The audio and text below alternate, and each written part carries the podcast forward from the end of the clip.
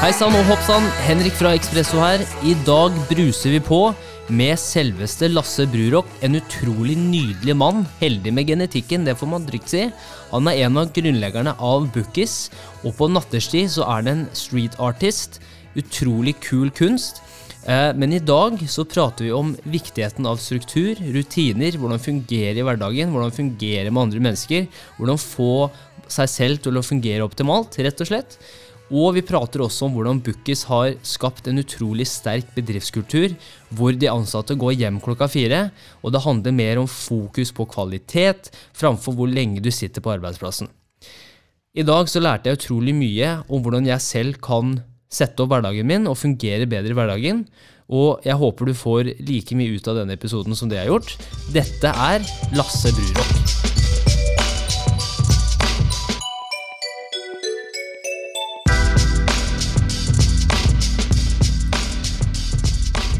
Fuglene kvitrer. Det er eh, i ferd med å gå mot lysere tider, og jeg sitter her med Lasse Brurock. Hvordan går det?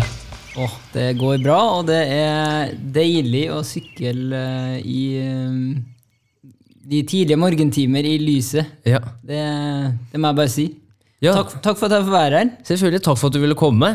Det har jeg gledet meg til veldig lenge. Jeg også. Og Så endelig så sitter vi her. Yes. Eh, på vei til intervjuet i dag, fant du noe, var det noe spennende du møtte på veien? Altså, du har jo nevnt tidligere litt det med ikke sant, i trafikken og det å på en måte ikke, bli, ikke reagere på alt, men heller å observere og, og ta det litt som en morsom opplevelse. Eh, opplevde du noe fint på veien hit i dag? Vet du hva, Jeg bare koser meg. Altså, det er så deilig nå med vår, og at det er så lyst, og folk sykler. og Det er jo lagt til rette for sykling i byen òg, så det er jo helt nydelig. Er jo helt fantastisk. Ja. Eh, og nå er vi jo akkurat ferdig med påske, og det har vært litt av et vær. Og du har vært på fjell og stått på snowboard og hoppa og spretta. Og du har jo stått snowboard eh, i mange år. Du var jo ganske god òg, var du ikke det? Når du var yngre? Eller du er jo fortsatt god. Spørs hvem du spør. Ja, du kan ta Spør du mamma, så syns hun syns at jeg er veldig god. Ja. Um, og ja, jeg har vært på Oppdal i påska. Mhm. uh, og gått toppturer, kjørt park. Bare nyta livet, altså. Mhm. Og når du spør mødre, så de sier jo alltid at uh, du er verdens beste. Det er riktig. uh, hun sa jo også i, i oppveksten at jeg var, eh, at jeg var tettbygd. Men uh, jeg, jeg tror vi alle skjønner fasiten, for når du spurte fatter'n, så fikk du et veldig ob objektivt svar, da, for å si det, si det mildt. Sånn er det. Man spør Hvis man ikke har det så bra, så ringer man mor, vet du. Det er jaggu sant. Ja. Det er jaggu sant. Så i dag så skal vi, vi skal jo også prate om amor, for å si det sånn. Vi skal prate om oppveksten. Ja. Eh, men i dag skal vi også prate om på en måte din reise de siste årene med Bookies. Du har også blitt street artist. Altså, vi pleier å si ikke sant? eh, Bookies om dagen og street artist på natta. Eh, du har vært i Forsvaret. Eh, og du virker jo som en hva skal man si, en, en Duracell-kanin, er jo det veldig mange vil si. En evig optimist. Så det blir veldig interessant å, å dykke litt mer inn i universet til, til, til Lasse. Ja. Men vi kan jo begynne med, og det er jo veldig interessant i, i forhold til Har du alltid vært så positiv? For det, har jo, Vi har jo kjent hverandre litt over de, de siste årene, og jeg har jo fulgt med på hva alt det dere har fått til. Du har fått til. Eh, og du virker jo som bare en goalgetter og bare en evig optimist, men har dette alltid vært sånn? Ikke i det hele tatt. Eh, jeg var veldig lenge vært veldig usikker. Veldig um, Og når du er usikker, så er det veldig lett å være veldig i forsvarsmodus, som ofte gjør at man blir negativ, da. Um, fordi man er usikker på seg sjøl. Så fram til eh, førstegangstjenesten så var jeg veldig usikker og egentlig mye negativ. Og så møtte jeg en fyr som heter Gjermund fra Asker. En levende legende. Som var bare så sjukt glad hver morgen for at han levde. Det, så enkelt var det. Da var han happy. Han, han våkna opp en dag til, liksom. Og ett år sammen med han, da bare skjønte jeg hvor, eh, ja, hvor enkelt det er å finne glede i livet. da. Og siden eh, ett år med Gjermund på Ørlandet, så har jeg mm, føler jeg at jeg har eh, ja, vært en ganske happy fyr. Og så har jeg egentlig bare jobba aktivt med det siste årene. Så nå jobber jeg aktivt med hver dag. altså. Ja. Så det er, det er en shout-out til Gjermund. Er Gjermund, aka Kristian, som han kalte seg Ja. på fylla. Det er, på fylla. det er legende, altså. Men hva, hva tror du Gjermund gjør i dag? Hva, tror du han har blitt sånn eh, motivasjonscoach, eller tror du han har Kanskje han har blitt sur? Kanskje Ja. han har brukt opp Et år med Lasse? Fy søren! Han, eh, han, Jeg møtte han litt etterpå og snakket litt med han innimellom. Og han har klart seg bra og er mm, fortsatt bare en, eh, en skikkelig fin fyr. Altså. Ja. Det er, det er jo altså, Gjermund, hvis du ikke har blitt eh, motivasjonscoach et, eh, før du har hørt på dette, her, så veit du hvilken retning du skal gå. Det er jo en skikkelig businessmodell. Du var fornøyd kunde her, i hvert fall. Men hvilke, hvilke tanker hadde du på, på videregående? For du, du, som du nevnte, var litt sånn kynisk og litt pessimistisk. Men hva slags tanker hadde du gjennom ungdomsskolen og videregående? og på en måte, for det er jo så mange ting som du har dykket inn i de siste årene, som du kanskje ikke visste at du hadde en interesse for gjennom videregående. Men, men hva slags interesser hadde du, og hva slags på en måte, antakelser hadde du om hva som skulle komme etter? Altså inn i det voksne liv? Ja, egentlig, mm, egentlig jeg var veldig lite reflektert. Jeg var veldig enkel. Levde i min boble, men var veldig heldig med mm, arv og miljø, kan man si. Eh, Flott familie. um, En streng far, som var lurt, for eh, mye av kompisene jeg vokste opp med, de eh, drev med mye rart. Ikke å legge skjul på at det var mye kriminalitet og drugs. Um, men eh, jeg driver med langrenn og fotball, og da var de sånn Lasse han skal ikke drive med drugs, han skal drive med idrett. han. Ja. Så det var, sånn, det var greit. Jeg satt utafor brakka mens de satt og kosa seg her med, med litt sterke sigaretter på, inni brakka. da. Og så hadde jeg Jeg tegna sjukt mye. Og jeg digga å, finne opp ting. Um, jeg husker um, liksom på barneskolen så tegna jeg uh, sekshjuling med sånn belter. Som har kommet i ettertid. Eller det fant, alt fantes sikkert da, men jeg hadde aldri sett det. Jeg tegna trillebår med luke, fordi jeg sto og så på at pappa klippet uh, hekken, og at alt datt av når de, Så tenkte jeg, hvorfor har ikke de bare en luke oppå? Så jeg var veldig sånn, prøvde å løse problemer. Um, og så tegna jeg hus. Jeg tegna helt sjukt med hus. Jeg fikk meg sånn eh, arkitekt, sånn millimeterpapir, hvor jeg satt og tegna planløsninger på husene. Det var, Hvor gammel var du da? nei, det var på barneskolen. Veldig detaljert. Og jeg var sikker på at jeg ville bli arkitekt, fordi jeg hadde lyst til å være med å prege bybilder. Så begynte jeg på videregående på tegning for en farge. Og det killa kreativiteten min 100 Jeg har ikke tegna én gang etter jeg gikk ut fra videregående. Ikke én gang. Eh, Men det jeg etter hvert fant ut, var at jeg ville fortsatt prege bybildet. Men jeg ville ikke gjøre det gjennom å være arkitekt. Jeg ville male med spraybokser på store vegger i byen. Så på en måte målet mitt var jo det samme. Um, bare veien dit forandra seg. da. Så, men du, du holdt deg på å si tagga ned bygninger allerede på videregående? Nei, da tagga jeg ikke. Så det begynte jeg med i, i eh, voksen alder, faktisk. Men når, når var det du skjønte eh, på en måte, For du, du nevnte det med at du tegna helt siden du var liten. Men når var det du skjønte i forhold til at det her kan jeg faktisk, det er altså noe jeg kan skape som et levebrød? Eller altså noe du gjør ved siden av Bukkis også? Når var det du skjønte at det her er jo dæven, her, er her er det muligheter? Ja, du, jeg husker ennå mitt første oppdrag til et kollektiv der søstera mi bodde. 150 kroner per bilde, og jeg syntes det var flaut å ta imot så mye penger for eh, bilder, liksom. Um, og da skjønte jeg at her er det et eller annet. Og det her, da var jeg, um, da var jeg 18-19 år. Så da skjønte jeg at ok, det går an Da skjønte jeg på en måte, begynte jeg å lære det, det å kapitalisere. Fordi i idretten så klarte jeg på en måte ikke å kapitalisere på, på det jeg hadde. Um, på, I tegninga klarte jeg jo heller ikke det. Men så fant jeg plutselig ut at jeg klarte med malinga, da, med sprayboksene. En kompis, eh, Stian, eh, som lærte meg det, og mm, ble helt hekta på å male med stensiler, da, sjablonger. Og så for jeg jo inn i militæret, um, og da merka jeg bare sånn Folk ble utrolig imponert over noe som var egentlig relativt enkelt når du da lærte teknikken. Og det var da jeg skjønte at det her er faktisk mulig å leve av. Og da, etter åtte år i Hæren, i 2016, april 2016, så um, slutta jeg og levde som uh, gatekunstner, da. Uh, på fulltid i ja, et par år. Kult. Men hvordan kom tanken om Forsvaret inn? Jeg prøvde å komme meg ut. Jeg ble kalt inn til førstegangstjenesten. Prøvde å komme meg ut av det. Og det jo, det var veddemål blant kompiser på hvor lang tid jeg holdt ut den. Men så oppdaga jeg at shit, det her er jo en plass hvor um, du, du Det å ha mye energi, det er veldig positivt. Plutselig er det en kapasitet der du før var jævla plagsom.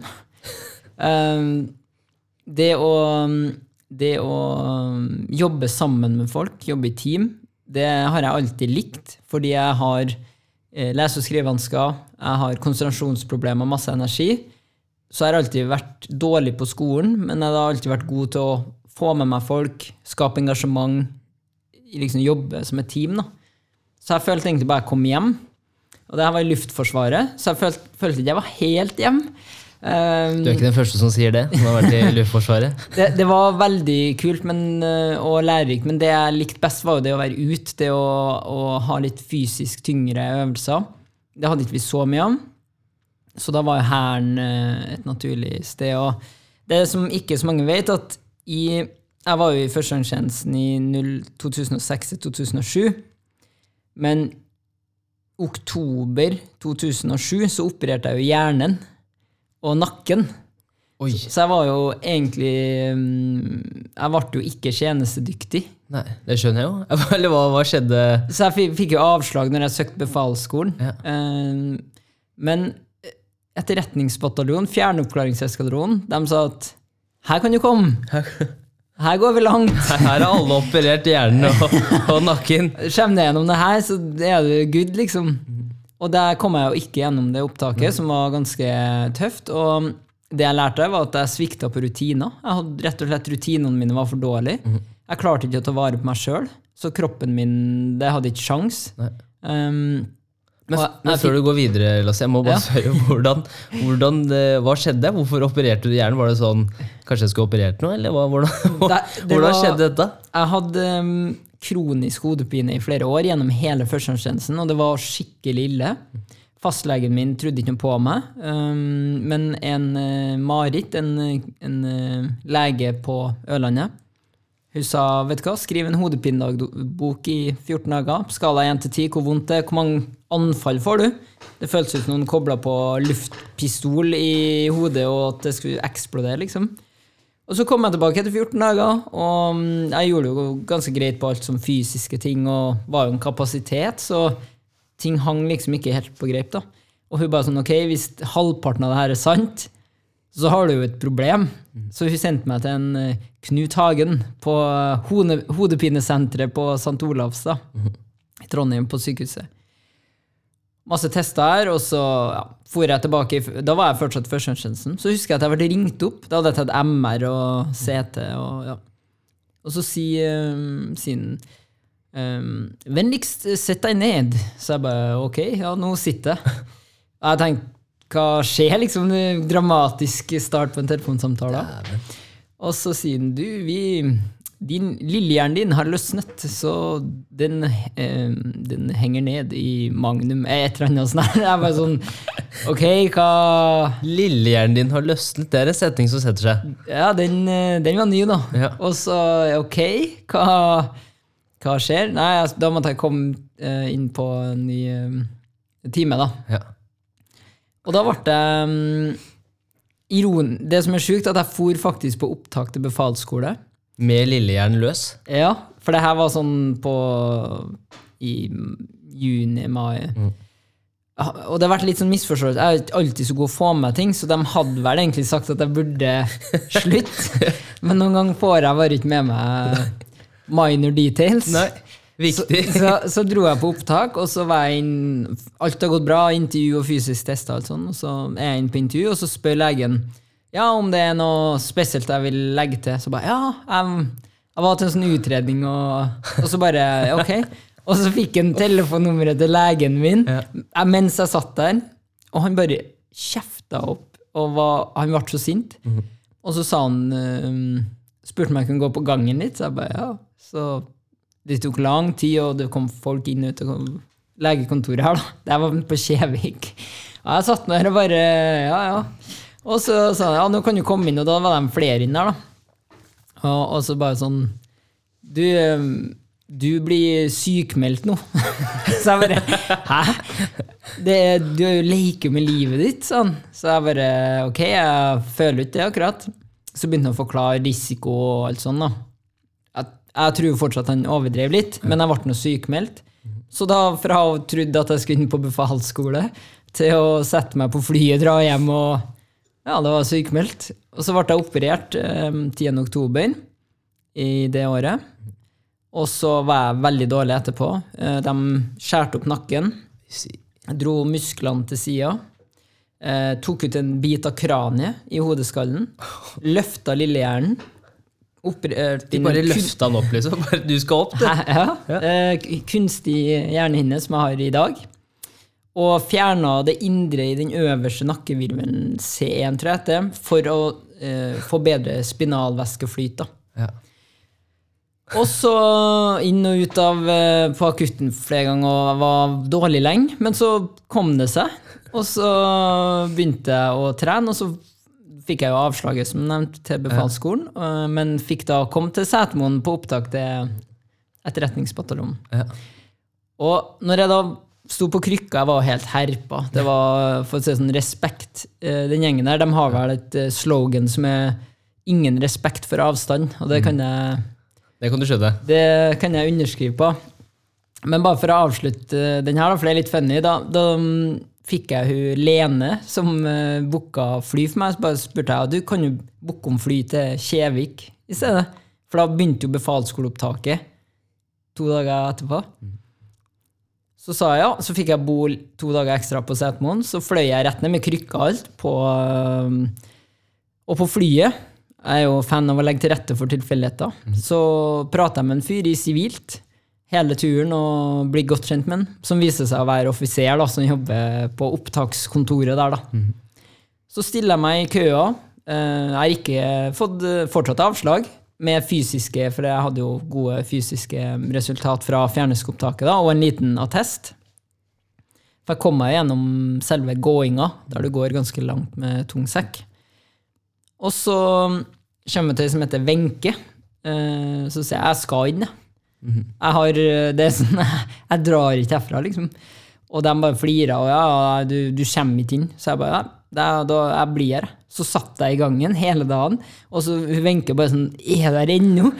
Jeg skal inn, bare å, gi meg en sjanse, her er fysiske resultater. Så sier jeg, ja, men du kan ikke ha med krykker i feltuka. Nei, kaste krykkene da.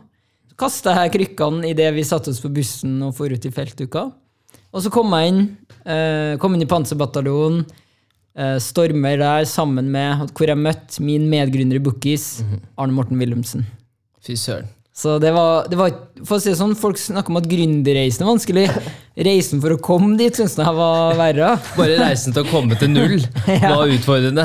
Yes. Men herre, det kunne jo blitt en Hollywood-film. Altså, Se for deg Se for deg for deg spilt av Adam Sandler. Det må jo være en skikkelig, skikkelig komedie med en fyr som bare ikke Du ser jo ikke du ser jo ikke motgang. Du bare tenker at jeg skal, jeg skal gjøre det her. Jeg bryr meg ikke om lillehjernen min har løsna eh, nedi nakken eller hvor den er for noe. Jeg skal, jeg skal inn i Forsvaret. Det er jo en helt, det en helt sjuk historie. Det er drusemode. Det er drusemode. Men det mange spør om, er jo ok, hvorfor er man sånn. Og jeg tror det er så enkelt som lese- og skrivevanskene mine. Hadde motstand gjennom skolen hele livet. Og da blir du vant med at, eh, at det, er, det er ikke lett. da. Nei. Men du må bare fikse det. Mm. Så um, jeg tror det faktisk er på, på grunn av eh, lese- og skrivevansker. Ja. ja. Men det må jo ha vært en helt utrolig opplevelse for Wenche også.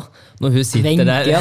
Wenche. Har du, har du snakka med Wenche Ja, etter Ve- du har gjort det? Ja, masse. Vi, vi jobba litt sammen, og um, nei, hun er Det var faktisk to Wenche, og for Ja. alle som har jobba i Forsvaret, vet godt hvem de er. Ja. Og de er um, De var bare to nydelige folk som uh, ga meg en sjanse. Og Ja. det har jeg aldri glemt, så jeg har alltid vært opptatt av å gi andre en sjanse. Mhm.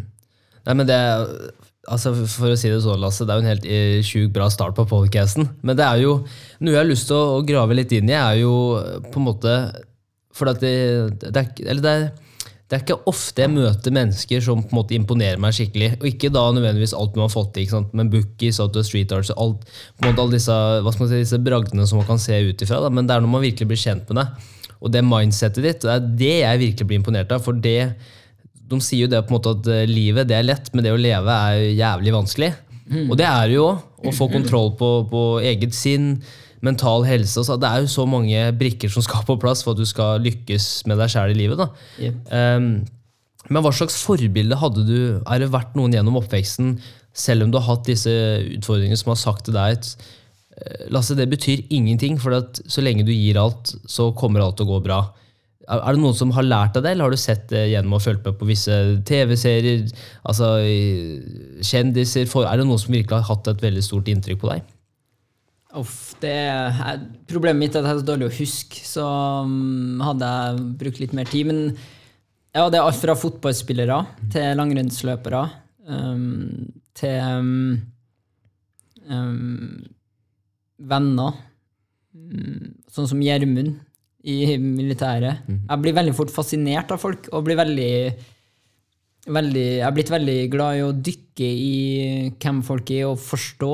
Um, og prøve å lære om ikke bare hva folk driver med, for det er det man ofte gjør. Hva, hei, hvem er du? Altså, hva driver du med? Det er det man spør om. Men hvem er du? Det, det, det spør ikke man om, da. Nei. Så jeg tror den sånn, sånn helt supercore, så tror jeg det er en mor som bare er happy go lucky. For det er hun. Bare fjase og kose seg og flire. Og så en far som er veldig eh, opptatt av detaljer, noe som jeg er null prosent opptatt av. Jeg vil gjerne være det, men jeg er ikke det. Og som alltid har vært eh, kanskje mer mot det negative og det mer Eller kritisk, da. Så jeg tror liksom den miksen der altså, har bare um, har vært det aller viktigste. Og så er det også for meg å se at jeg kom meg gjennom um, Jeg er jo fra Ranheim. Og kom meg gjennom uh, den oppveksten med mye uh, med, Jeg hadde jo en langrennsgjeng, en snowboardgjeng, en fotballgjeng. Og så hadde jeg dem jeg vokste opp med, som datt ut av idretten og, og um, ja, hadde mye problem, da. Mm. Men det handla liksom aldri om Det var ikke noe sjalusi, og det var bare folk bare var kompiser og heia på hverandre. Mhm. Så um, Nei, jeg vet ikke, altså. Jeg tror um, Jeg tror jeg bare blir veldig fascinert av veldig mange. Mhm. Du skjønner? Ja. Det, det tror jeg egentlig det som gjør at jeg syns det er veldig interessant å bli kjent med nye folk. Mhm. Ja, jeg, jeg er sånn, sånn helt sjæl, og, og jeg ser jo også Det er noe fattern har sagt til meg veldig mye gjennom oppveksten. Jeg har ikke vært så flink til å høre på den gjennom oppveksten, men det begynner jo å falle på plass når du blir litt eldre. Ja. Eh, og det er liksom det med at du, du har to ører og en munn. Og derfor skal du prøve å lytte dobbelt så mye som du prater sjøl. En av grunnene til at jeg ville starte den podcasten her, for at eh, jeg er genuint interessert i folk, og, og særlig folk som får til tøffe ting. For at det, det sier så mye om egenskapene til menneskene. Da. Um, og liksom, ja, man kan sitte og, Hvis du snakker med mangemillionær, ja, det kan kult snakke om alle de millionene de har tjent, og det ene og andre, men det morsomste og mest spennende er jo hvordan er det de takler eh, motgang, eh, utfordringer. For det er da det virkelig på en måte det menneskelige kommer fram, eh, Ja. som regel. Og kanskje det, det der er egentlig en tematikk som jeg digger, for det aller viktigste er jo er du lykkelig. Hvis ja, hva gjør du, og hvis ikke, hva er det du ikke gjør? For ofte snakkes man jo om å, hun har lykkes, da. Og han har lykkes, da. Og så er det sånn, ja, innafor hva? Ut ifra inntekt? Ja. Veldig god lønn. Ut ifra å ha det bra med seg sjøl? Null. Ut ifra å ha gode vennskap? Null. Så det har blitt uh, mye mer bevisst egentlig de siste to, tre, fire årene. Og der er min medgrunner Arne Morten bare et sykt bra eksempel. Utrolig gode verdier og, og um, veldig opptatt av det å være til stede, det å ha det bra, da. Og det um, Det kan vi sikkert snakke litt mer om etterpå, men det tror jeg er mm, hele kjernen i hvorfor det går bra med Bukkis. da. Mm. Det er de verdiene der, og det å, å, å nyte livet. Ja. Det å, det å være, være mer opptatt av eh, ting som Det er ikke hvem som har rett, det er hva som er rett. Ja. Uh, være opptatt av eh, hva som er viktig i livet. For det er sånn, jeg tror det er mange som får en reality check når de bikker 50 og bare Shit, var det, var det verdt det? Hva er det jeg drev med? Mhm. Så det er jeg glad han har hjulpet meg masse med. Mm. Og vi, vi skal komme tilbake til det, den reisen med Bookies og når du møtte medgründeren også. Um, men for meg, da, for jeg var jo også i, i, i førstegangstjenesten, jeg var også på Setermoen i artilleribataljonen, i Ja. batteri Olga. Ja, Uh, så jeg var jo også og gikk mye med sekk. Når vi var der Ja. når, når, Eh, når, var det, når var det jeg var der, da? Det var vel i 20... 20 2012 til 2013, hvis jeg husker det riktig nå. ja. Uh, det må jeg faktisk, det sier litt, da begynner jeg å bli gammel. Jeg husker ikke når jeg var der engang. Men det skal jeg finne ut av, for det, det burde jeg faktisk ha forberedt i dag. Så den tar jeg på min kappe. Jeg, jeg slutta jo året før på Setermoen, Ja. så Ja. men vet du hva, Kan hende vi var der samtidig og møttes i messa. Ja, og Du gikk den andre inngangen, selvfølgelig. Men, eh, men eh, ja, så for meg så var jo, som jeg har sagt før på den podcasten her, at Forsvaret for meg var liksom Følte jeg gikk fra å være gutt til å bli mann. Og ikke mann ifølge altså jeg sa at man skal være skikkelig macho, men i forhold til å kunne se egen, eget potensial. Da. Og det er på en måte at det å takle eh, liksom smerte og takle utfordringer over en lengre periode, det former deg skikkelig. Eh, og du var jo der i, i så mange år, var åtte år. Eh, og for deg, da, hvordan, hvordan var, eller hva er det du har lært gjennom Forsvaret som virkelig har satt preg på deg, som du føler bare at ikke alle har forstått det her? da? Ja, det, det viktigste vi har tatt med oss, da, vi to gründerne, det er jo kultur og motivasjon. Og ofte, når, når vi jobber med Jeg jobber mye med befalselever, altså den som skal bli som tar lederutdanning. Og ofte med dem så handler det ikke om å motivere dem, det handler om å unngå å demotivere dem. For de er så motivert fra før. Og det er en veldig viktig eh, Det er veldig viktig å være klare å skille mellom dem som er motivert, og dem som ikke er det. da. Men kultur Bare tenk deg den kulturen man har i Forsvaret og Hæren, hvor kollegaer er villige til å ofre livet for hverandre. Vis meg en kultur i det private hvor kollegaer er villige til å ofre livet for hverandre. De er kanskje villige til å ofre livet til kollegaene sine framfor sitt i eh, ekstreme tilfeller. Ja. Men um, Nei, de, den kulturen den er så sterk, og det er så Den er så Det er så indre drevet, da. Du, det er ikke, du er ikke drevet av lønn.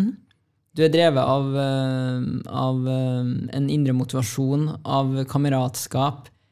Øhm, Det er der vi lærte løse oppdraget og ta vare på dine kvinner og menn, som vi sa der. da. Det er bare sånne enkle prinsipper da, som vi har tatt med oss videre, um, som er supersterkt, og som, uh, som er så lett å bygge på. Mm. Så kultur også, og motivasjon, det er det viktigste vi eh, har tatt med oss fra, fra den tida. Ja. Det er, jo, det er jo mange verktøy som man bruker i Forsvaret for å fungere effektivt. Eh, og en av, eh, når, Særlig når det kommer til eh, på en måte kultur og ledelse, er jo in, intensjonbasert ledelse. Kan du snakke litt om det? For det vet jeg også er noe dere har dere har anvendt også i Bookis. At ikke bare man skal lede nedover og bortover, men man skal også lede oppover. Eh, kan du prate litt om hvordan, hvordan det har funka for deg, og, og, og hva det er? Ja, det er jo Forsvaret begynte jo med mm, intensjonsbasert og oppdragsbasert ledelse, som egentlig handler om at vi, man blir enig om en retning, og så prøver man å desentralisere eh, beslutningene, altså at beslutningene skal tas der det skjer. Eh, For i back in the days eh, så kunne det være sånn at dem som skulle ta beslutningene, dem var jo til stede. Og da er det ofte vanskelig å ta gode beslutninger. Så blir det også en veldig en sånn treighet i hele Det blir ikke noe drusing, da. Nei. Momentet forsvinner fort, da. Um, så Og det er samme, det er vi veldig opptatt av, og vi bruker god tid på å sette retning uh, for alle sammen. Men når først retninga er satt, så er det drusemode på. Da er det opp til deg sjøl hvordan du kommer dit. Uh, Så vi må, vi må være sta på visjonen, det må vi, og retningen, men vi må være ganske fleksible på hvordan vi kommer dit. Og der er det ofte det å la de ansatte, la teamet komme fram til det sjøl, det er veldig effektivt. For da har du masse kreative, smarte folk Ja. som tenker på problemløsning på en helt annen måte enn deg. Mhm. Så det er også veldig lærerikt eh, for lederne å, å slippe eh, Du kan tenke deg, du vil heller ha fire bikkjer du må holde igjen, enn fire bikkjer du kan dytte. ja. Og det er jo det første vi ønsker å skape. Bare drusere som har Ja. momentum, som eh, ikke er redd for å feile. Eh, men de er veldig opptatt av å dele det de feiler på, og lære av det. Hvis du feiler gang på gang og aldri lærer, så er du kanskje ikke riktig person for verken oss eller andre selskaper. Så det handler liksom om den, eh, det momentet hele tida innafor noen rammer og en retning som er gitt. Mhm. Ja, for dere er utrolig gode til å bruke rammeverk, sånn som OKRs eksempel. Nå har vi også begynt å bruke ganske hyppig Ardoc også, som jeg ser funker veldig bra. For det, det, det gjør det mye lettere for meg å bare forstå okay, hva er hovedmålet, og hva slags nøkkelresultater skal vi få til, og hva slags initiativer er det som skal på plass da, for å klare å måle progresjon. Um, men så er det jo, det jeg syns er så interessant, er i forhold til det med kultur og det å druse på, da, og kanskje det første, bare for å starte hva, for det, hva er druse på? For de få som ikke veit hva det er, bare for å ta det først. Det å, det å druse, da, da, er du, da er det moment som gjelder. Um, da er du den som gjerne hiver deg uti først. Du er mer opptatt av å lære enn å feile. Du er opptatt av å eh, Du vet at å skape moment, det gjør du best sammen med andre.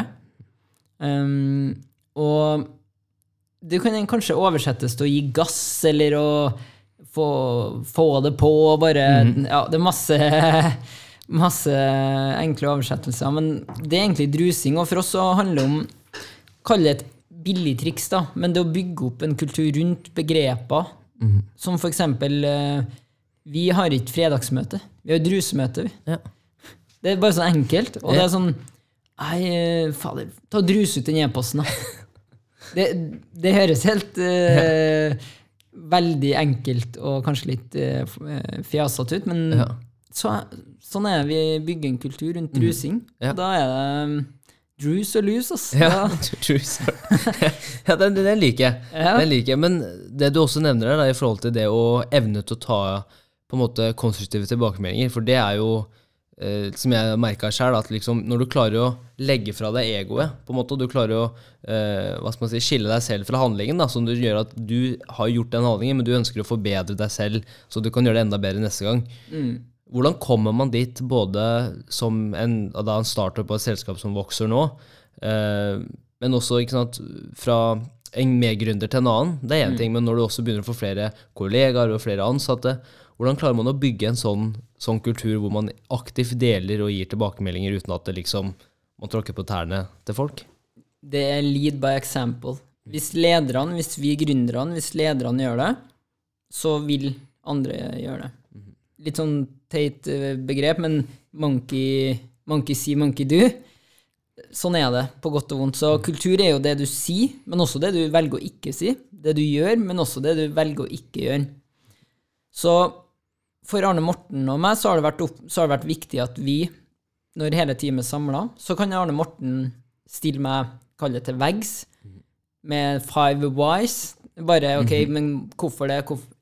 Fordi han vil lære, og fordi han mener at noe ikke er optimalt. Han prøver ikke å henge meg ut, han prøver ikke å drite meg ut. Han prøver at jeg skal lære, og han skal lære. Han skal bedre forstå men hvorfor gjorde du det der. Um, og når alle ansatte ser at oi, ja, de, de er direkte med hverandre, men det er ingen som blir sur eller blir såra fordi det er en høy psykologisk trygghet. Um, det er gjensidig respekt. Uh, vi har tillit for hverandre. Så er det um, Så er det der vi i hvert fall har starta, og ser at det smitter over. Ja. Og hvis du spør hvem som helst i Bookie som regel 25, som egentlig er bare en teit greie, så er regel 25 det er hvis noen får skryt For eksempel så er jeg sånn Henrik, det her var helt rå, rå presentasjon. Så er det by default så, Ja, nei, men takk, Lene har jo designa og Man, bare, man er mest opptatt av å gi creds til dem rundt seg.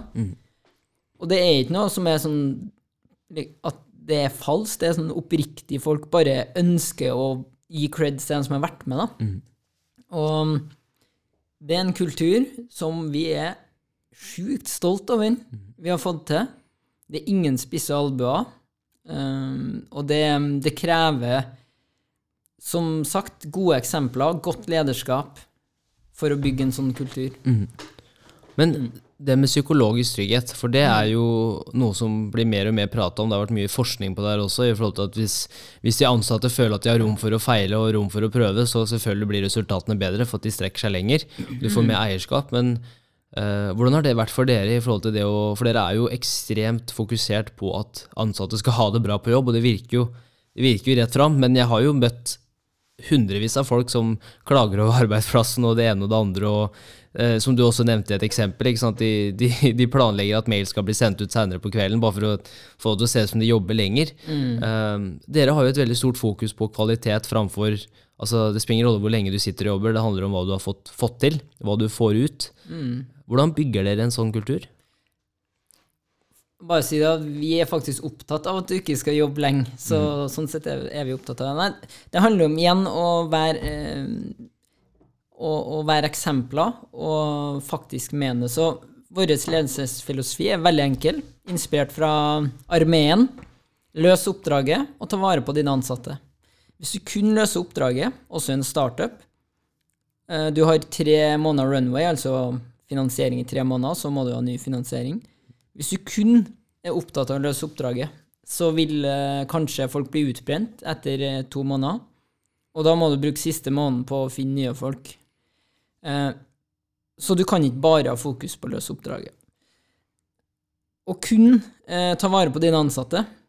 Og hvis du bare gjør det og ikke løser noe oppdrag, så er du en vennegjeng. Det er heller ikke så bra, for da kommer du ikke noe videre. Så det, det her må vektes. Men du må alltid sette folkene dine først. Du må alltid prioritere dem. Eh, det vi lærer opp våre ledere til, er people, strategy, execution. Folkene først. Det er det aller viktigste. Har du, har du det bra? Er du syk? Det må du ha kontroll på. Du må ta vare på folkene dine. Derfor har vi én-til-én-samtale én gang i måneden. Alle sammen i hele selskapet. Um, hvor de ansatte har vært med å utvikle spørsmålene. Um, og så er det um, Så er det det å faktisk eh, oppfordre folk til å gå hjem klokka fire eller fem. For tenk deg For det handler om fokus. Hvis du eh, ikke er på mobilen din på usosiale medier og nettaviser i løpet av arbeidssida arbeidstida, så har du mest sannsynligvis kanskje en time Yes. ekstra.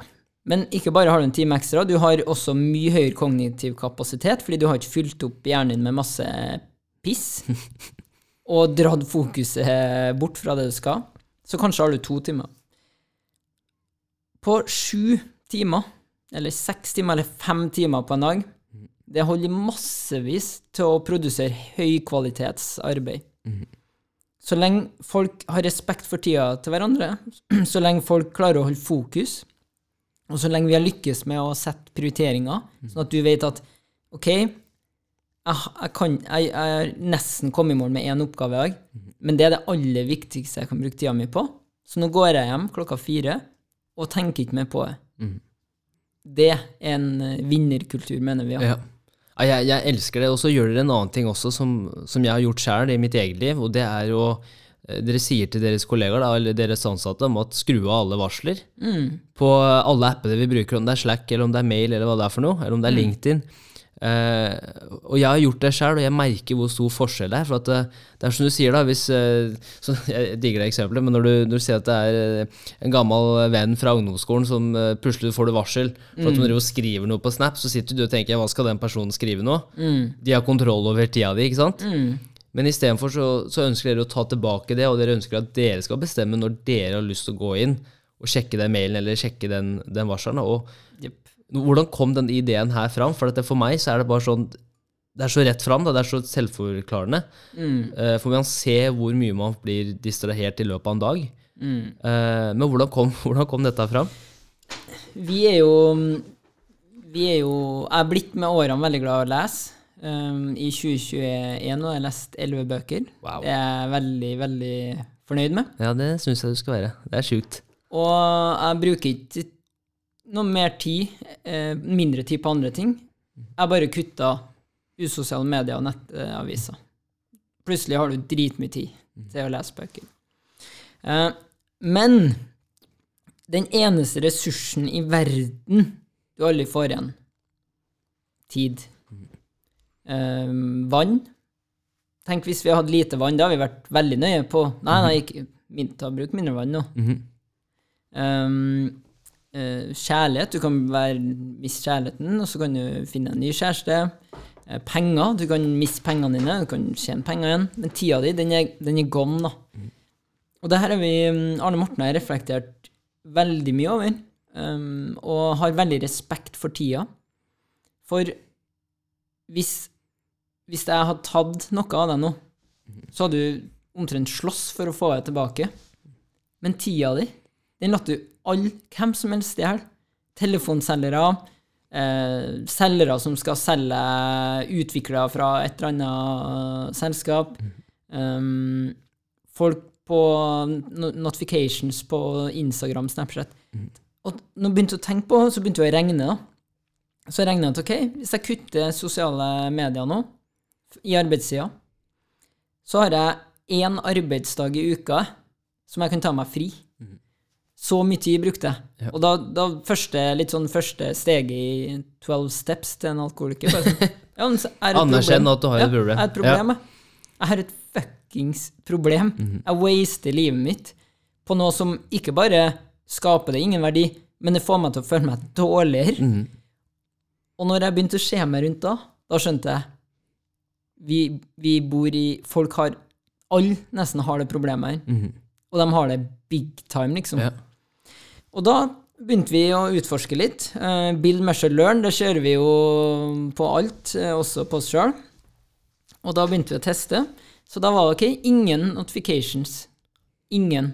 Og ikke eh, noe usosiale medier eller nettaviser fra du legger det til du er ferdig på jobb. Når du lukker Mac-en din og sier 'jævlig bra dag', Ja. 'takk for i dag, Mac-en, nå er jeg ferdig', klokka fire-fem, da kan du sjekke. Og det å kjenne for første gang på lenge at du har kontroll på livet ditt, du har masse tid, du føler deg bedre, du blir mer lykkelig, det er mm, Nei, det er faktisk et jævla samfunnsproblem. Ja.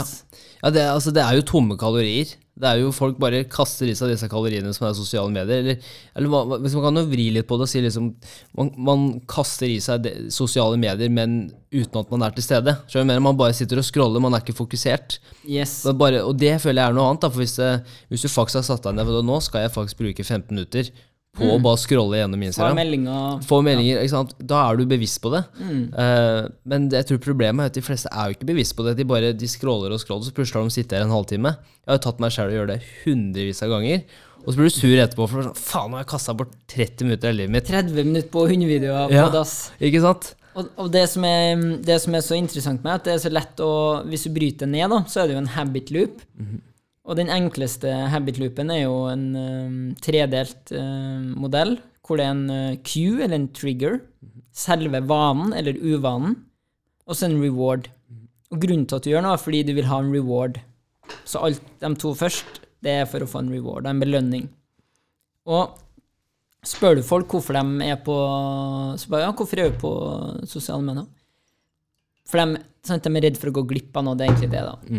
Men så er det sånn, ok, hvis du bryter ned um, sosiale medier i arbeidstida i, um, i uh, habit-loopen, da, hvorfor? Jo, triggeren eller Q-en er no, enten kjede seg eller møte litt motstand. Rett opp med mobilen, bli um, stimulert, få belønning. Ned. Og sånn holder de på fuckings hele jævla dagen, ass. Det er det. Det er jo som å sitte i Las Vegas og sitte og dra den røde spaken hele tida for å få Vet du hva, det er akkurat det. Det er jo det disse forskerne som Yes. Og du må jo tenke deg selv, ikke sant? Her sitter de i, i Silicon Valley. Her er det folk som har en doktorgrad på spillavhengighet for at vi skal sitte lengst mulig på telefonen. Og du kan tenke deg hvor mye milliarder som blir brukt hvert eneste år fordi at vi skal bare sitte et minutt lenger foran den telefonskjermen eller den PC-skjermen. Jepp. Eh, og de fleste har vi jo ikke kontroll over egentlig, for at vi er avhengig av å liksom få det dopaminrush, holdt jeg på å si. Ja. Um, nei, jeg, altså jeg bare syns Ja. Det, det er bare sånn, det som er funny med det du sier nå, er at um, de sier jo at hvis ikke du betaler for, uh, for tjenesten, så er, så er du forretningsmodellen. Ja, ja, ja, det er jo det. Altså, ingenting er jo gratis. Nei. Eh, og vi så jo bare det med med Facebook var vel forrige uke eller noe sånt, så hadde de lika var det vel 500, 500 000 adresser eller personlig informasjon. da. Og det, liksom, det er jo ikke noe, altså Da spør jeg jo folk ja, ble det lika eller ble det solgt. Mm. For det, det er liksom Så jeg, ja, men jeg syns, det, er, det er kjempeinteressant. Og eh, vi kunne jo prata om det her en evighet, og det tenker jeg vi skal òg. Eh, for jeg har lyst til å eh, ta den overgangen fra Bookie som et selskap, men også til deg i ditt eget liv. Eh, fordi du forklarer jo ofte eh, i forhold til det, det å forberede egen hverdag og, og, og sette seg selv opp for suksess. da. Det å ha en strategi for eget liv forresten er jo bare noe som veldig mange prater om. Jeg har disse målene. Ja, men har du skrevet ned? Nei, det har jeg ikke. Nei, Hvordan kan vi vite at det er strategien din da, f.eks.? Um, men en annen ting som jeg føler er viktig, er jo hvordan du tilrettelegger for å fungere i hverdagen. Eh, og du sier jo ofte, eller forklarer det som er litt som å hoppe utafor hoppkanten. Og før du tar sats og hopper utafor, som er før hverdagen begynner, så har du, du har forberedt alt det du skal. Og du trenger nesten ikke å tenke, for alt går på automatikk. Um, så jeg tenker vi kan starte med å bare Hvordan ser en hverdag ut for deg i forhold til at dagen starter kvelden før? Og hva er det du har gjort som gjør at du kan bruke mer tid på hva skal man si, altså oppgaver som får deg framover, og ikke oppgaver bare for å vedlikeholde, hvis du skjønner hva jeg mener? Ja, ja. -hmm. For det første må man bli kjent med seg sjøl, og som jeg har en mye lavere kognitiv kapasitet enn mange, blant annet min medgründer. Arne Morten er ja, et stort forbilde. Han er, han har veldig høy kognitiv kapasitet, blant annet. Sånn at han, hvis du sammenligner et beger da, med, med vann, hvor um, hans beger er mye større enn mitt. Det vil si at når vi fyller på vann, så fylles mitt over fortere. Det vil si at jeg må ha veldig respekt for uh, hvor, hva jeg vil fylle på det begeret. Fordi hvis jeg starter dagene med, med e-post, så vet jeg at da har jeg fylt på begeret ganske mye. Hvis jeg bruker sosiale medier eller nyhet, whatever, nyheter, så vet jeg at da fyller jeg opp. Sånn at hvis jeg skal gjøre noe kognitivt krevende, som å skrive ut en artikkel eller sitte med noe analyse eller whatever, da, da må jeg begynne med det. Fordi jeg vil fylle opp koppen med det. Så kan jeg heller gjøre, kalle det eh, ikke hjernedøde aktiviteter, men det å svare på e-poster, det er en kapasitet som krever mye mindre eh, skills og mm, kognitiv kapasitet enn å, enn å sitte og dykke i, i detaljer. Da. Så for meg så starter dagen, dagen før, skal si. Da sitter jeg på bommen på toppen av Holmenkollen og gjør meg klar til morgendagen, som er hoppkanten. Og da er det en del ting du må gjøre for å få best mulig flyt ut, så du bare kan ligge i V-stil og surfe ned til et bra telemarknedslag, da. Og det er blant annet mm, Jeg trener før jobb. Jeg står også opp ganske tidlig. Når står du opp? I dag så er jeg opp fem. Det er jo helt uh, Fem? Og det er det jeg har gjort nå egentlig omtrent hele 2021. Men det er altså fem dager i uka, så står du opp fem. Nei eh, Hvis jeg av en eller annen grunn legger meg senere, så står jeg opp senere. Ja. Så jeg har veldig respekt for søvn. Men eh, Når er du i seng da? ti. Det er helt rått. Og um, grunnen til det er at eh, på morgenen så er det ingen andre som jobber. Eh, du får eh, en flying start, så klokka ni så har jeg jobba ofte fire timer. Og har egentlig gjort det aller, aller viktigste for dagen. Og da kan jeg være til stede for mine ansatte, og jeg kan være ferdig klokka fire på jobb som gründer. Eh, jeg har jo egentlig jobba da ganske, ganske mange timer, Ja. men eh, jeg kan ha et ganske kult liv eh, fra fire og utover, da. Um, men det jeg gjør, jeg legger fram treningsklærne. Da tar jeg treningsbagen. Jeg trener i kjelleren. Kaller det crossfritzel. Kanskje ikke helt innafor å kalle, men vi har, eh, vi har en eh, liten gym nede i kjelleren. Og der, um, der trener jeg en eh, time på morgenen. Og så Så da legger jeg fram eh, treningsbagen, skoen, fyller vannflaska, som termoflaske, så vannet er faktisk kaldt morgenen etter. Um, har um, Står opp, går på, på dass. um, før så la jeg mobilen min um, attmed døra, fordi jeg, jeg slumrer ikke. Eller jeg gjorde det, så da måtte jeg stå opp. Nå trenger ikke jeg gjøre det lenger.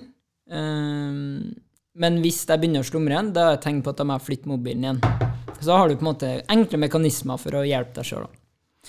Så står jeg opp, uh, ordner meg en frokost, drikker herlig, herlig eplejus. Det er min reward på å komme meg raskt opp. Den eplejusen er det første jeg tenker på. Det er bare sånn enkelt, men genialt. Ja. Mens um, Eller uh, idet jeg har spist, så uh, går jeg gjennom en refleksjon som jeg har.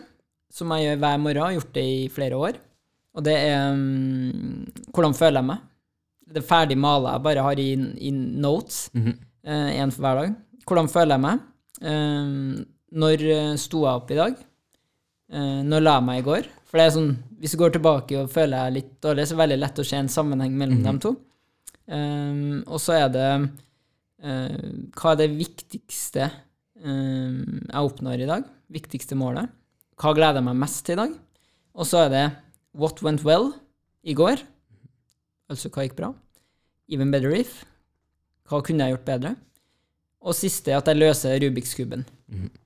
Hver dag. Det har jeg gjort hver, hver dag i flere år nå.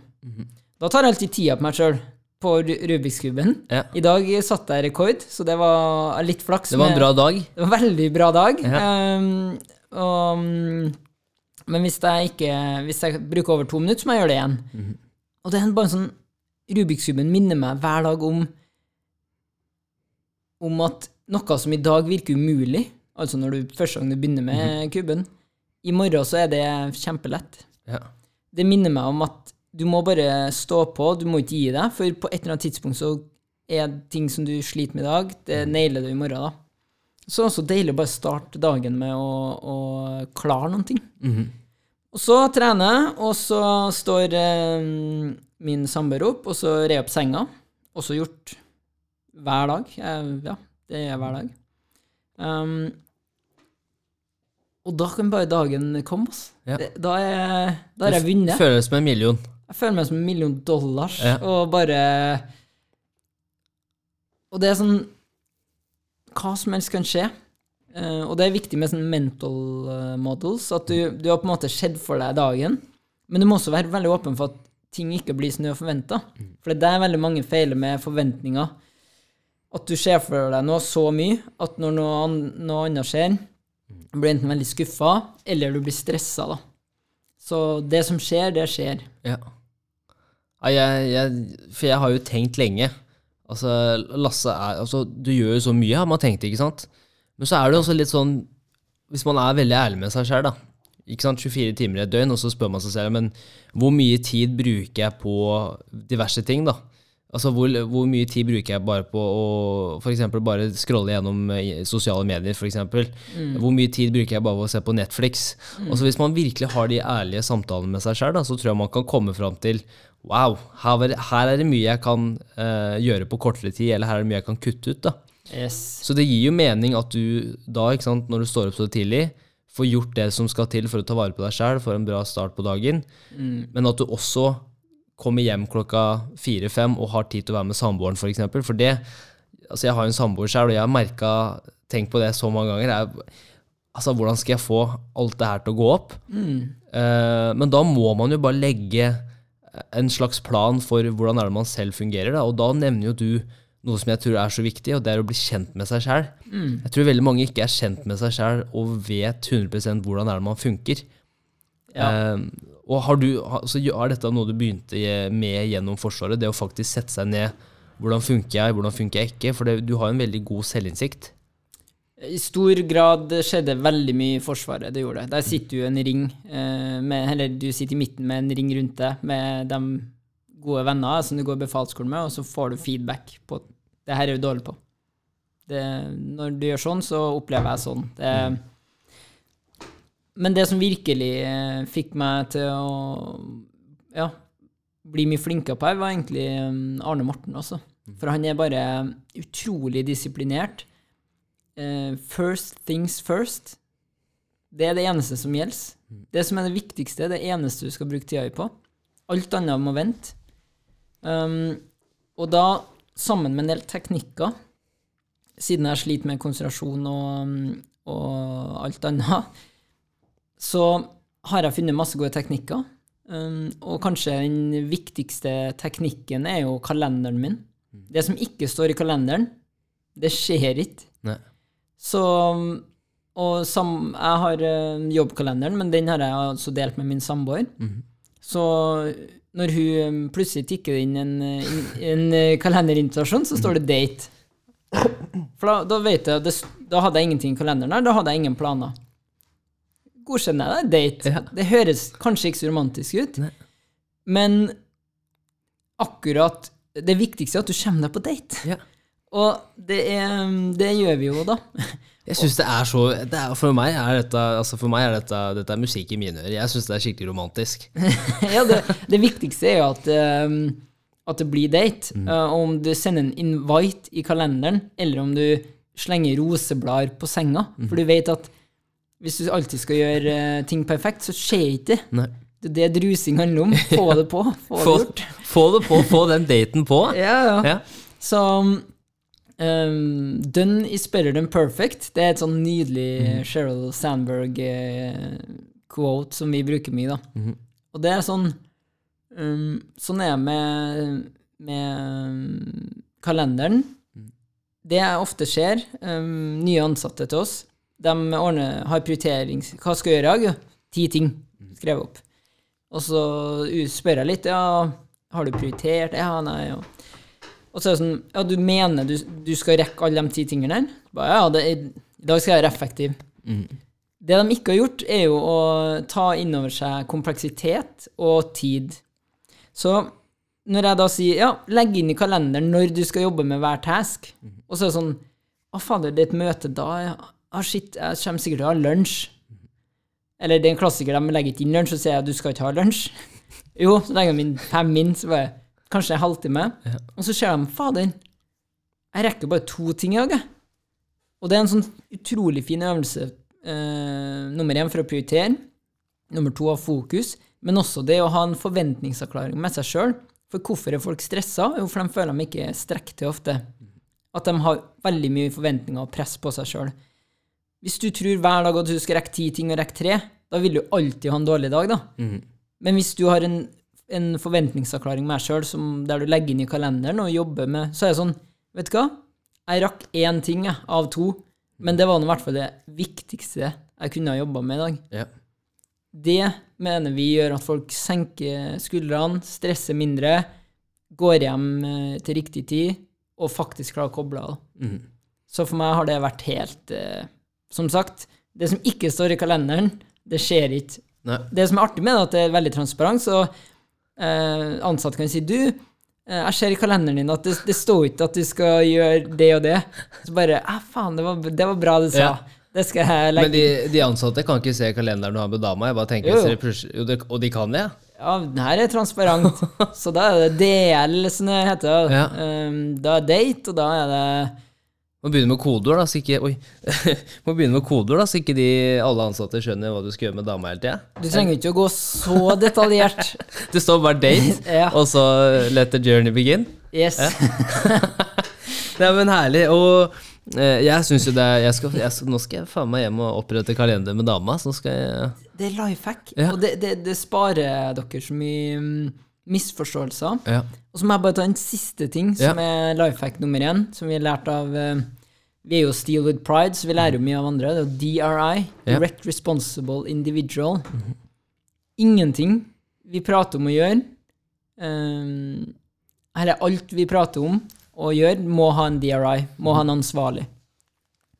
Så hvis uh, på jobben uh, i Bookies så er det sånn Ja, fader, kvinnedagen, kanskje vi skal en, eh, en eh, Kjøre en eh, kul eh, kampanje rundt det? Ja, det gjør vi. Hvis vi stopper der, så skjer ikke det. Hvis vi sier ja, det gjør vi, hvem er DRI? Ja, Du er DRI. Sånn at alt har en DRI. Ja. Absolutt alt. Og så begynn, begynn med det hjem. Ja, kanskje vi skal støvsuge eh, til helga? Vi, vi burde støvsuge. ja. Kommer ikke til å bli støvsugd. Nei. Men hvis du sier Du, vi burde støvsuge til helga. Kan du være DRI for støvsuginga? Mhm. Da har du, du hadde en forventningsavklaring, og da kan du si, vet du hva Du sa du skulle støvsuge, Mhm. versus vi skulle. Ja. Det er Vi er, har DRI på alt. Ja. Vi, I boden òg har vi til med eh, På alle eskene og sånn, så står det en lapp, så står det hva det er, så står det DRI. Ja. E-Bird, som jeg kaller Ingrid, min mm. samboer, eller Lasse. ja. DRI. Det er, det er så enkle prinsipper. Dette er jo life hacks på steroider. Ja, det, det her, kalender og DRI, Ja. det er life hack, det. Altså, altså Nå får jeg bare et par tanker opp i huet her. Og det første er jo på lik linje som at Gjermund bør bli en motivasjonscoach, så bør du jaggu bli en samlivscoach. Hvor du Uff, Se fra Lasse sin bok. ikke sant, Life hacks i hverdagen og hvordan fungere sammen med din fru eller eh, herre. ja, Ikke sant? ja det, der har du konsept. Ja, det der, altså Hvis du trenger noe til å distribuere eh, salget av disse bøkene Altså Jeg tar på meg det, for her Jeg tror vi har funnet en gullgruve rett og slett på life hacks. altså Ja, og no offense, men jeg tror distribusjonen funker gjennom Bookies. også. Ja, det er, ser du? Konstruktive tilbakemeldinger. Jeg burde forstå at det, det er bedre å gå gjennom bookies. For å si det sånn. Ja, men der har du, ja, der har du konsept, altså. Ja. ja men det er, altså, jeg, er veldig, jeg er veldig opptatt av det med rutiner selv, for jeg altså, lik linje med deg. Altså, jeg, hvis ikke jeg har struktur, og hvis ikke det er rutiner, så funker ikke jeg optimalt i hverdagen. Hvis jeg bare står opp om morgenen, på en måte slumrer 15 ganger, og det skjer, og det har skjedd mange ganger også, og jeg er veldig glad i å sove, eh, så funker jeg ikke, for da, da får jeg en dårlig start på dagen. Jeg bare flyter gjennom dagen, jeg er ikke bevisst på hva jeg skal gjøre. Ja. Eh, og det er som du sier, så er det ikke sant, hvis, hvis glasset er fullt Mm. med bare støy, med tomme kalorier, Mm. så får man jo ikke prestert, og man får ikke fungert i hverdagen. Og jeg føler jo altså Istedenfor å tenke materialistiske ting, suksess, eh, som veldig ofte blir fremstilt i samfunnet, at du skal tjene mest mulig, du skal ha større hage enn naboen, eh, større bil enn naboen, bedre bil, altså det ene og det andre, Mm. Um, så burde man kanskje begynne å prate litt sånn Hvordan har du det med deg sjæl når du er aleine? Mm. Yes. Det tror jeg er en veldig bra indikator på suksess. Ja, og det, det folk bruker for lite tid på nå, er å reflektere. Man, man skal alltid fylle eh, fordi man trenger en belønning, sant? Man kjeder seg. Og så er det sånn Hvis du virkelig skal få utnytta um, tankene dine, så gå deg en tur i skogen. Ikke gå i, i byen, for da blir du forstyrret. du, du bruker veldig mye kapasitet på Er det rødt, noe grønt, kommer det kommer det en bil, blir jeg syklende? I skogen så er det sånn du, du får bare kobla 100% av. Bare gå deg en, en tur langs en sti, whatever. Få deg frisk luft. Det er sånn Folk Jeg tror, da Jeg har i hvert fall opplevd at folk tar seg um, dem Det er sånn du, du sykler til jobb, så skal du absolutt høre på podkast de 15 minuttene. Ikke gjør det. Hør enten hør på noe rolig musikk eller ingenting. Bare tenk litt, da. For sånn det har blitt nå med, for veldig mange med hjemmekontor, er at det er back to back møter. Det er møter fra 9 til 10, 10 til 11, eh, halv 12 til tolv, tolv hele dagen. Du får ikke tid til å reflektere eller fordøye lenger. Så um, det å legge inn sånne timeblocks, um, det lærte jeg faktisk av, eh, av um, Inspire Me-gründerne. Det har vi innført. Møtefrie slots. Ikke la møter på onsdager. Ikke la møte etter lunsj på fredag. Ikke la møte før lunsj på mandag. Det, det er din tid. Mhm. Da skal du bruke tida til det som du mener er det aller viktigste. Det handler om å ta kontroll på tida si. Mm. Altså, det Det her er jo helt Det, det er jo altså spot on. det er jo så viktig også. Jeg ser jo det sjøl, at når jeg jobber i Ardoc også, i hverdagen, så det er så fort gjort å bli booka inn til møter. Eh, og hvis ikke, du, hvis ikke du har oversikt over kalenderen din, så er det veldig fort gjort for andre å bare booke inn. Så det med timeblocking også, bare liksom blokke ut tid i kalenderen til ikke til ikke bli forstyrra, på en måte. Det, som du også snakka om før, det med deep work, og faktisk kunne jobbe på, problem, eller på et problem over en lengre periode. Liksom, F.eks. intervallet på 25 ganger 4. Ikke sant? At du, du, du virkelig fokuserer. Da, og, og da kan den belønningen komme ikke sant? etter du har jobba med en, et visst problem, da, for å motivere deg selv. Um, men sånn, sånn avslutningsvis uh, Du er jo fortsatt en ung kar. Altså, det, hvor gammel er du nå? Er over 25. Du er over 25, så du er 32? Jeg er 34. 34, Du ser ut som du er 20 år. Det er jo Ja, takk. Det er hettegenseren og genene eh, Ja. i så fall. gode gener, og jeg tror det får bli en, eh, en annen podcast-episode. Det er hvordan, hvordan, holde seg ung. hvordan holde seg ung med Lasse. Ja. Eh, og, eh, og life hacks med din fru. Oi, oi, oi. Den, det ble en bra bok. den hørtes jo litt eh, frekk ut. Lifehacks med. Vi får, eh, vi får spørre Scene 4 i Trondheim om de har lyst til Ja, der er det mye om de har lyst til å ta oss inn. Men, uh, men de siste spørsmålene er jo eh, Med alt det du har fått til så langt, hva slags eh, råd og tips vil du gi til altså, Hvis du hadde møtt Lasse i døra på la oss si 25 år, men også kanskje 20 år, da.